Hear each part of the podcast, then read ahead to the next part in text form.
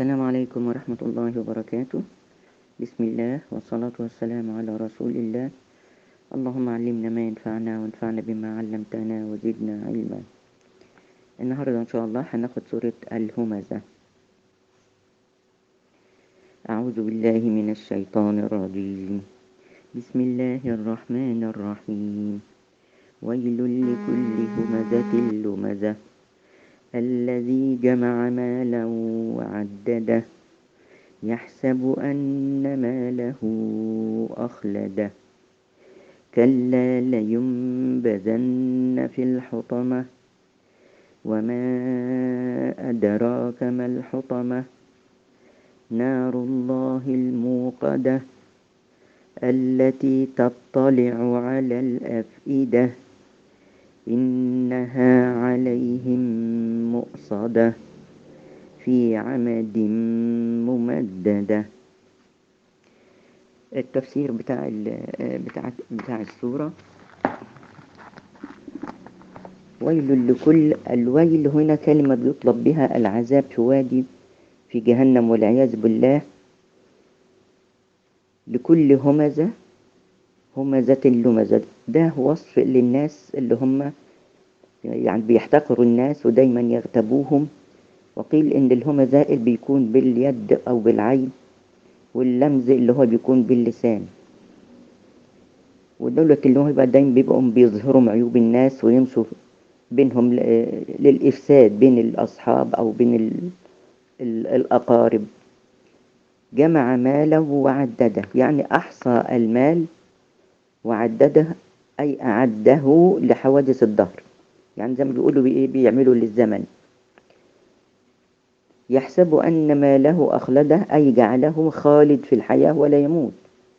كلا يعني ليس الأمر كما يزعم ويظن لينبذن يلقى أو يطرح في الحطمة اللي هي في النار التي تحطم كل ما يلقى فيه. وهذا اسم طبقة من أسماء النار. لأن في طبعا بيقول لك في الدرك الأسفل من النار فإذا بيبقى ليها طبقات وبيبقى ليها أسماء. تطلع على الأفئدة أي التي تشرف على القلوب فتحرقها. مؤصدة يعني مطبقة عليهم ومغلقة. في عمد ممددة أي يعذبون في النار بأعمدة من حديد. فلنشرح الآيات. قوله تعالى ويل لكل همزة. يعني ربنا بيتوعد تبارك وتعالى الناس اللي هم بيمشوا بالإفساد بين الناس بواد في جهنم يسيل بصديد أهل النار وقيوحهم والعياذ بالله. ودي لكل واحد مغتاب بيقعد يغتاب الناس سواء إذا كان من أمامهم أو من وراهم وبيمشي بالنميمة وبحيث إن هو يظهر عيوبهم ويفسد العلاقة بينهم وبين الأصحاب وبين وبين الأقارب. وقوله الذي جامع ماله وعدده هذا وصف تاني لتلك الهمزة اللمزة بيبقى من صفاته إن هو بيعمل إيه؟ إنه دايما بيجمع المال سواء إذا كان من حرام أو حلال. وبيعده وبيحصيه وبيبقى عارف مقداره وأعده لحوادث الدهر كما يزعم. يحسب أن ماله أخلده يعني بيظن أنه هو لا يموت من كثرة أمواله. وإمتى كان المال بينجي من الموت؟ بل هو الغرور في الحياة. لو كان المال بيخلد أحد لأخلد قارون. وقوله تعالى كلا لا يخل يعني هذا المال مش هيخلدك في النار بل وعزتنا وجلالنا لينبذن أي ليطرحن في النار. يعني ليلقيه الله في الحطمة اللي هي النار المستعرة التي تحطم كل ما يلقى فيها. وما, وما أدراك ما الحطمة؟ ولذلك هو قال إن إيه الحطمة؟ هي إيه؟ بيفسرها بالزيادة وما أدراك ما الحطمة؟ هذا الاستفهام لتعظيم أمرها وتهويل شأنها. وبينها تعالى بقوله هي نار الله الموقدة أي المستعرة المتأججة التي تطلع على الأفئدة والتي تشرف على القلوب فتحرقها. وقوله تعالى أنها عليهم مؤصدة أي أن النار على أولئك الهمزين اللمزين مطبقة ومغلقة الأبواب ويعذبون في النار بعمد ممددة أي بعمد من الحديد. طبعا هذه السورة هي سورة أيضا مكية وطبعا زي جميع السور المكية بنجد أن الآيات بتاعتها قصيرة بتتكلم عن العقيدة وعن البعث وعن الجزاء وكذلك بتحذر من الغيبة ومن النميمة وبتندد وتندد بالناس اللي هم مغترين بأموالهم ومعجبين بها وبتبين طبعا شدة العذاب وفظاعته والعياذ بالله. لو نظرنا إلى السورة بقى والأحكام اللي هي موجودة فيها هنجد أن هنا برضو ويل لكل. هنا طبعا إحنا لسه عند التنوين أهو. التنوين هنا بالضم. ويل لكل وبعدين وراها اللام مشددة. إحنا هناخد الحكم ده بعدين. بس ما ما بديهاش غنة ويل لكل. وبعدين نفس الحكاية. همزة اللمزة نفس الحكاية. التنوين وراه اللام المشددة. جمع ما لو وعدده برضو عند التنوين بس وراه واو. هناخده برضو في أحكام النون جاي. يحسب أن ما له. أن هنا عندي طبعا النون نون حرف أغن يعني بديها زمن غن حركتين. أن ما له. بعدين ما له أخلده بلاقي هنا في علامة الواو. وفوقها مد. الواو الصغيرة دي يعني معناها إن أنا بمد صوتي أربع حركات حركات لأن ده بيعتبر من قبيل المد المنفصل. ما له اخلده طيب. كلا لينبذن في الحطمة. هنا طبعا في عندي علامة النون الصغيرة القائمة دي برضه هنعرف حكمها بعدين. عندي هنا النون المشددة بس هنا أنا بجيب غنة عند الميم الموجودة اللي هي فوق النون الساكنة. ليم بنطق ميم بغنة. لينبذن في الحطمة. وبجيب برضو غنة في النون المشددة. وما أدراك هنا بمد صوتي أربع حركات. ده قبيل مد منفصل. هنا الدال أهي دال ساكنة من حروف القلقلة. أد أدراك ما الحطمة؟ نار الله الموقدة التي تطلع على الأفئدة. إنها أدي النون المشددة أهي بديها زمن غنة حركتين. عليهم مؤصدة عندي هنا فيه ميم مع ميم مشددة ميم مشددة بديها زمن غنة حركتين زي النون برضو. في عمد ممددة أدي عندي التنوين بالكسر. ووراه ميم مشددة فبديها غنة وإحنا هناخد الحكم ده النهاردة اللي هو بتاع حكم التنوين لما يبقى وراه حرف الميم. لأن إحنا خدنا خدنا قبل كده اللي هو في المرة اللي فاتت أخدنا حكم اللي هو بالنسبة للإدغام بغنة اللي بنقول عليه الإدغام التام بغنة.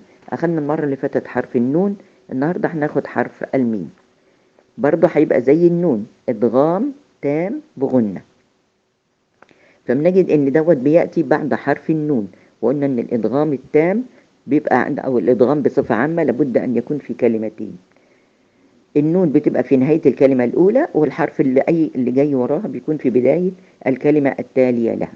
فلو أخذنا مثلا مع النون الساكنة مثلا في قوله تعالى في سورة الطارق خلق من ماء دافق. هنا من ماء. طبعا النون هنا أنا مش هظهرها ولذلك أنا بدخل النون في الميم بدغمها وبنطق بميم مشددة بتاخد زمن غن حركتين. من ماء دافق. طيب. فبتنقل أنا على طول من كسرة الميم إلى الميم المشددة الميم المشددة وبديها زمن حركتين لأنها أصبحت حرف مشدد. بالنسبة للتنوين بقى مثلا لو أخذت التنوين المضموم زي مثلا في سورة البينة رسول من الله في الآية الثانية رسول من الله لمنا عند التنوين أهو رسول فأنا باخد النون بتاعت التنوين أضغمها في الميم بتاعت من وبنطق وبنطق ميم مشددة بغنة. فتبقى رسول من الله. لو أخدت برضو التنوين اللي هو بالفتحة وبالنصب دي هناخدها برضو في برضو في سورة البينة. يتلو صحفا مطهرة. صحفا مطهرة. صحفا برضو نفس الحكاية ده تنوين بالنصب ووراها الميم. بنطق برضو ميم مشددة. وهنا برضو فيه مثال اللي هو زي في سورة يوسف الآية 32 ولا يكون من الصاغرين. هنا الفعل ده منون. هو قصده يكون ويكون ده فعل. إحنا عارفين إن التنوين بيدخل على الأسماء فقط ولكن في عندنا في القرآن في فعلين منونين. ده واحد منهم. يكونا وبعدين وراها حرف الميم فأخذنا النون بتاعة التنوين وأضغمت في الميم بتاعة من. وليكون من الصاغرين. ده موجودة في سورة يوسف وطبعا هذا الفعل دوت هو الوحيد لا يوجد في القرآن غيره. إنما في الفعل الثاني المنون دوت إحنا هناخده في سورة العلق إن شاء الله. طيب نيجي بقى للتنوين اللي هو برضو بالكسر.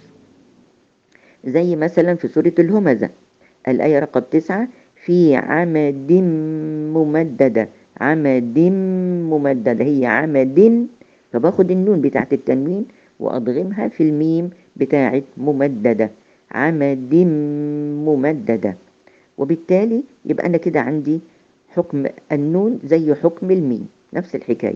بدخل النون في الحرف اللي وراها وبدخل النون في الحرف اللي, اللي وبدخل النون في الميم اللي بالنسبة للنون قلنا بندخل النون في النون. بدخل النون الساكنة أو نون التنوين في النون أو بالنسبة للميم بدخل النون الساكنة أو نون التنوين أيضا في الميم. بس الاتنين بينطقوا بنون مشددة أو بنطق بميم مشددة والاتنين بقول عليهم حرف أغن لابد إن أنا أديله الزمن غنة حركتين. وهذا الحكم الثاني أو الحرف الثاني من أحكام النون آه إدغام النون الساكنة أو التنوين في الحروف بتاعة يرملون اللي إحنا قلنا عليه. طيب إن شاء الله المرة الجاية ناخد الإدغام في حرف الواو. يبقى إحنا خدنا إدغام النون أو التنوين في النون أو الميم وبنسميه الإدغام التام بغنة طيب سبحانك اللهم وبحمدك أشهد أن لا إله إلا أنت أستغفرك وأتوب إليك. السلام عليكم ورحمة الله وبركاته.